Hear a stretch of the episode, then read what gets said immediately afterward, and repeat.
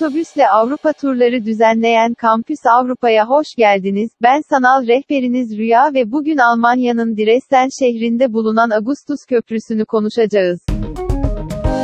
Almanya'nın tarihi şehirlerinden biri olan Dresden'i ikiye bölen Elbe Nehri boyunca, şehrin iki yakasını birleştiren pek çok köprü mevcuttur. Ancak bunlardan en önemlisi Augustus Köprüsü'dür. Şehrin en eski köprülerinden biri olmasının yanı sıra İmparator Augustus'un ismini taşımaktadır.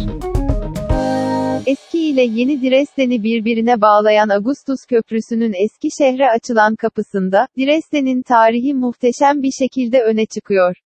Buradan kum taşı renkli binalar eşsiz bir ihtişamla sizi selamlamakta.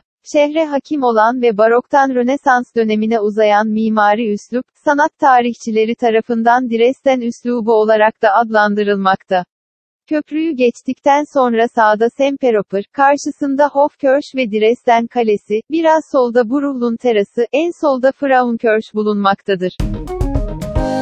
12. yüzyılda Augustus Köprüsü'nün bulunduğu yerde daha önce eski bir köprü olduğu, ancak Polonya ve Saksonya İmparatoru 2. Augustus döneminde yıkılıp yerine bugünkü taş köprünün, 1727 ve 1731 yılları arasında yapıldığı söylenmektedir.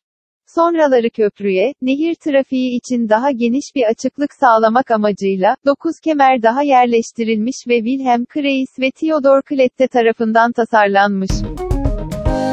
Eğer siz de bu tarihi eseri ziyaret etmek, Dresden ve birbirinden güzel diğer Avrupa şehirlerini doyasıya gezmek isterseniz Kampüs Avrupa'yı tercih edebilirsiniz.